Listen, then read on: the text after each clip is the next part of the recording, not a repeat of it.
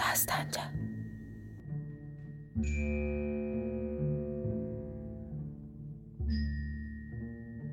Çar casusları əvvəlki yerləri gecə-gündüz nəzarət altına aldıqlarından bu gün Şəbnamənin ikinci nömrəsi tamamilə başqa yerlərdə yapışdırılmışdı. Şəbnamənin bu nömrəsi Təbrizlərdə böyük bir ruh yüksəkliyi oyandırmışdı. Aylardan bəri lal olan dillər açılmış və sönməyə başlayan inqilab duyğuları coşa gəlmişdi. Küçədəki çəkməsilənlər, şey satanlar, hətta hamballar belə inqilabın qalib günlərində olduğu kimi istibdadı təhqir edici sözlər danışır və şeirlər oxuyurdular. Məmmədəli qaçdı qoyma, bəndini açdı qoyma. Şəbnamələr divardan qoparılmamışdı. Mən Mirzə İsmail karvansarasının qabağından keçərkən cəmaətin bir yerə toplandığını, bir nəfərin Şəbnaməni ucadan oxuduğunu və Ağa Məhəmmədəli Qarabağlının xalça üstündə əyləşib qəlyan çəkə-çəkə Şəbnaməni dinlədiyini gördüm. Təbriz cəmaəti. Həqiqət heç vaxt məğlub olmaz. Azadlıq fikri boğulmaz. Şəbnamənin birinci nömrəsində Sabiq Şah Məhəmməd Əlinin İngilis-Rus dövlətlərinin vasitəsilə İrana gəldiyini yazmışdıq. Heç şübhə yoxdur ki, o xəbərdən inqilabçı Təbriz xalqı həyəcana düşmüşdü. Daxili mətbuat istilaçı Çar hökumətinin fişarı nəticəsində olaraq həqiqəti gizlədir. Odur ki, Məhəmməd Əlinin hərəkətinə dair aldığımız xəbərləri bu nömrəmizdə Təbriz cəmaətinə bildiririk. Tehrandan alınan mötəbər xəbərlərə görə septembr ayının 5-də Məhəmməd Əlinin qoşunları Sərdar Ərşədin fərmandəliyi altında olaraq İmamzadə yanında məşrutə ordusu ilə üz-üzə gəlmişdir. Məşrutəçilər Sərdar Ərşədin qoşunundan 300 əsir götürmüş, 100 nəfər də öldürmüşlər. Məhəmməd Əlinin ordusu qaçmaqdadır. Məşrutə ordusuna gündən-günə təzə qüvvələr qoşulur. İnqilabçı qəbilələr məşrutə ordusuna qoşulur. Gələcək xəbərləri 3-cü nömrədə xəbər verəcəyik. Mən kənarda durub baxırdım. Birdən kökmər seyidləri əllərində ağac bazara töküldülər və divarlara vurulan şəbnamələri qoparmağa başladılar. Mirzə İsmail karvansarasının ağzına yetişdikdə karvansaranın qapısına yapışdırılan şəbnaməni qoparmaq istədilərsə də Ağa Məhəmmədəli Qarabağlını görüb cürət etmədilər. Mən oradan keçib Rastabazar ilə Gəcil qəbristanı və Acıdan qapısı tərəflərinə gedib vəziyyətdən xəbər tutmaq istəyirdim. Məşədi Kazım ağaya rast gəldim. O məni görüb gülümsündü. "Ustadına mərhaba." dedi. "Nə olmuşdur?" deyə soruşdum. Bu tədbirin xoşuma gəldi. Hansı tədbir? Nəzmiyyələr şəbnamələrin Amerika konsulxanasında düzəldiyinə dair mədariklər tapmışlar.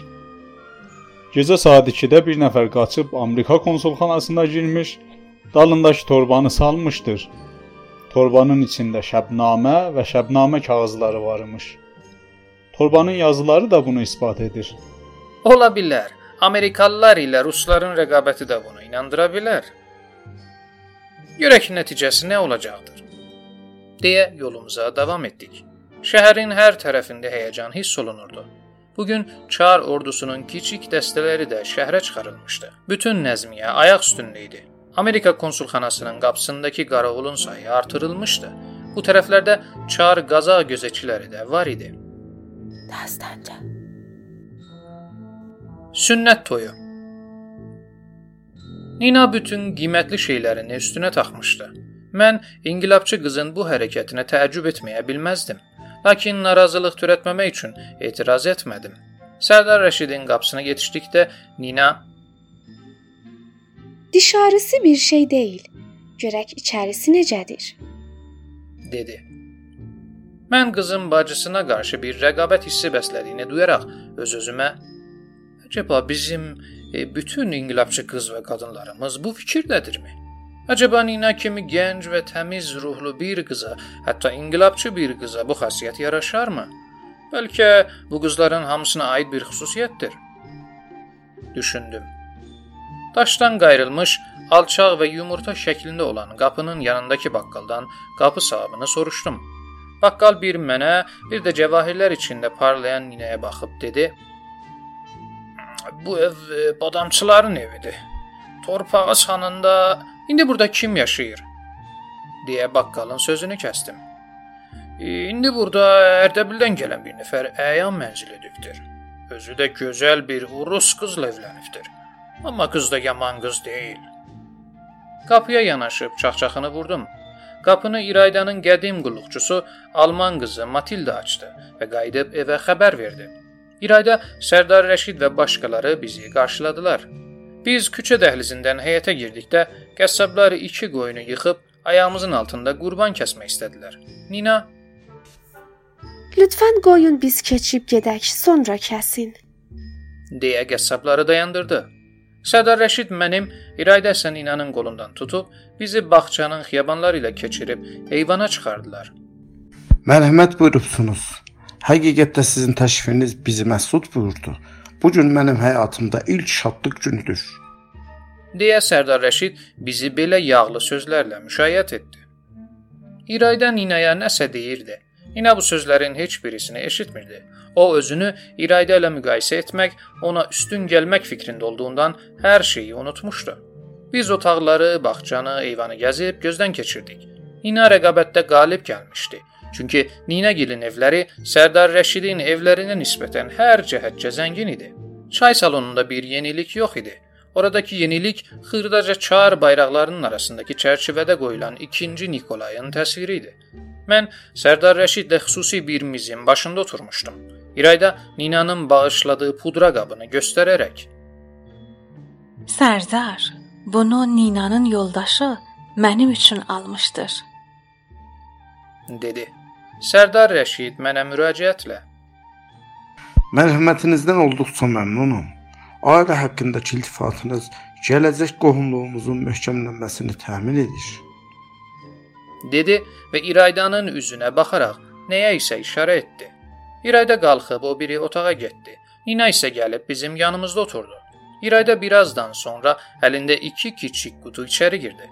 Yaşıl məxmərdən qayrılmış qutuların birisindən bir cüt nəfis qolbaq, digərindən isə nazik və olduqca gözəl bir saat çıxardı. Sərdar bunları sizin üçün almışdır. deyə qolbaqları Ninanın qoluna keçirdi. Saatı da mənim cılıqqamın cibinə qoydu. Sərdarın zəhmətinə razı deyildik. Sərdar tərəfindən verildiyi üçün bu hədiyyələr tarixi və mühüm bir qiymətə malikdir, dedim. Lamplar yanmışdı. Təbrizdə bərq işığı olsa da Sərdar Rəşidin evində yoxdu. Bərq işığını əvəz edəcək onlarca fransız və ingilis lampları yanırdı.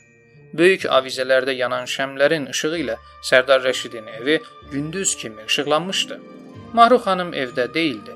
O öz sevgilisi Smirnovla birlikdə gələcəkdi. Sərdar Rəşid Mahrunun Smirnovla əlaqəsinə işarə edərək Aqa, biz şərqliyik. Bir məsələni necə başlayıb və harda bitirməyi başqa millətlərdən daha tez anlaya bilərik. Mən bunu İrayda xanıma da demişəm. Bizim həyatımız ruslarla əlaqədardır. Bizim səadətli və bəxtiyar gələcəyimizi, tərbiyə və mədəniyyətimizi ancaq rus tərbiyəsi və rus mədəniyyəti verə biləcəkdir. Bizim milli istiqlaliyyətimiz də Rus dövləti bəhiyyəsinin əzəmətindən asılıdır. Biz bunların əlində olsaq, daha yaxşı irəli gedərik. Bunu anlayan yoxdur. Olan olsa da çox azdır.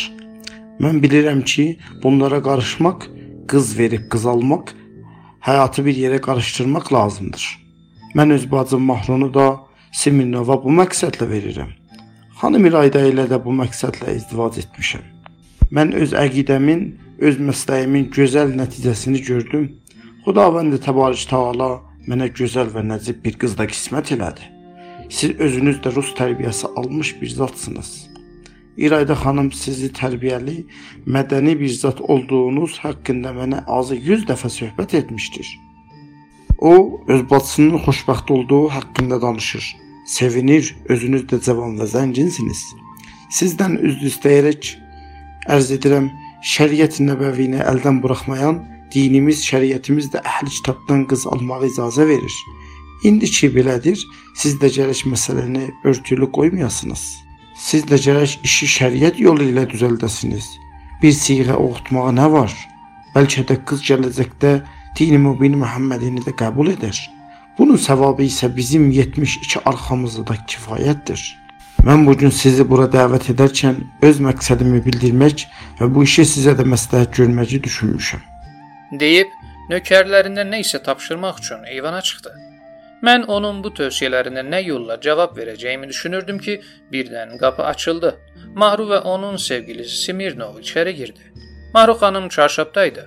Eşitdiyimizə görə o küçədə çarşabda, evdə isə şalda gəzirmiş. Mahru xanım içəri otağa girib çıxıncaya qədər bu məğrur çar zabiti salonun bir tərəfində durub heç bir kəslə tanış olmadı. Mahru xanım çıxandan sonra Smirnovu əvvəlcə Nina, sonra da mənimlə tanış elədi.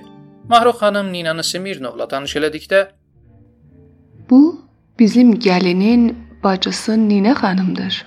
dedi. Məni tanış etdikdə isə Bu isə bizim gəlinin gələcək yeznəsi Əbülhəsən bəydir. Həqqində sizə danışdığım cənabdır. dedi. Smirnov biraz düşündü. İranlı olduğuma inansa da kübar ailədən olduğuma şübhə edirdi.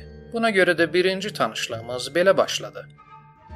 Siz əsilzadə misiniz? Bəli, əsilzadəyəm bəyim. Çox gözəl. Çox da güvara. Tanış, hətta yaxın qohum olacağımız üçün özümü xoşbəxt hesab edirəm. Bu adam mənə olduqca tanış gəlirdi. Arada isə bu zabiti görmüşdüm. Salon çox işıq idi. 3 nəfər gənc və gözəl qız ən qiymətli daşlarla bəzəndikləri halda biri digərinə yaxın oturmuşdu.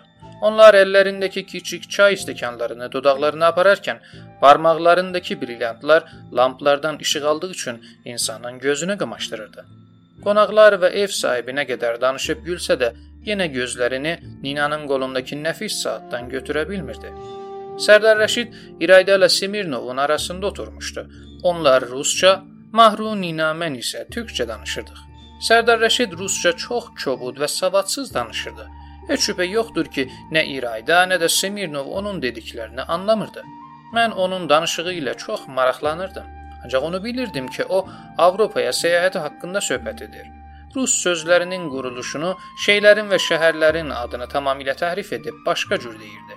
Məsələ şlipa, yəni börk dedikdə mən onun şilyapa demək istədiyini bilirdim. O tez-tez vinovat demək istədikdə vnavt deyib Smirnovu güldürürdü. London əvəzinə London, professor yerinə profisker, doktor yerinə dəktür, bilirəm yerinə bilirsən, yeyəcəyəm yerinə yeyəcəksən, əfv edin yerinə rica edin deyərək İraydanı və Smirnovu gülümsəməyə məcbur edirdi. Sərdar Rəşid danışdıqca dönüb həyətə baxırdı. Deyəsən yenə də gözləyəcəyi qonaqları var idi. Mən darıxırdım. Bir yerdə otura bilmirdim. Durub salonda dolaşmaq istədim. Sərhəng Smirnov da Sərdar Rəşidin söhbətindən doyub ayağa qalxdı. Mənə qoşuldu, söhbət etməyə başladıq.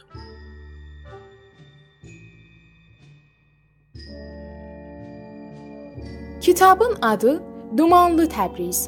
Yazar Məhəmməd Səid Ordubadı. Hazırlayan Nurullah Purşərif. Bu bölümdə səsləndirdilər: Ravi Kamal Alqın, Dilbər Əlizadə, Aysu Zənganlı, Nina Saray Tahiri, Məşədi Kazım ağa, Mehdi Şiri, Sərdar Rəşid, Hüseyn Əkbərzadə, İrayda Elnarə, Sərhəng Simirnov, Mehdi Miyablı, Yönətmən Saray Tahiri, düzənləyən Səccad Müslimi. Bizim axağa qatılmaqla işimizin ardını tutmaqda bizə dəstək olun. Axağımızın adresi Dastanca. D A S T A N C A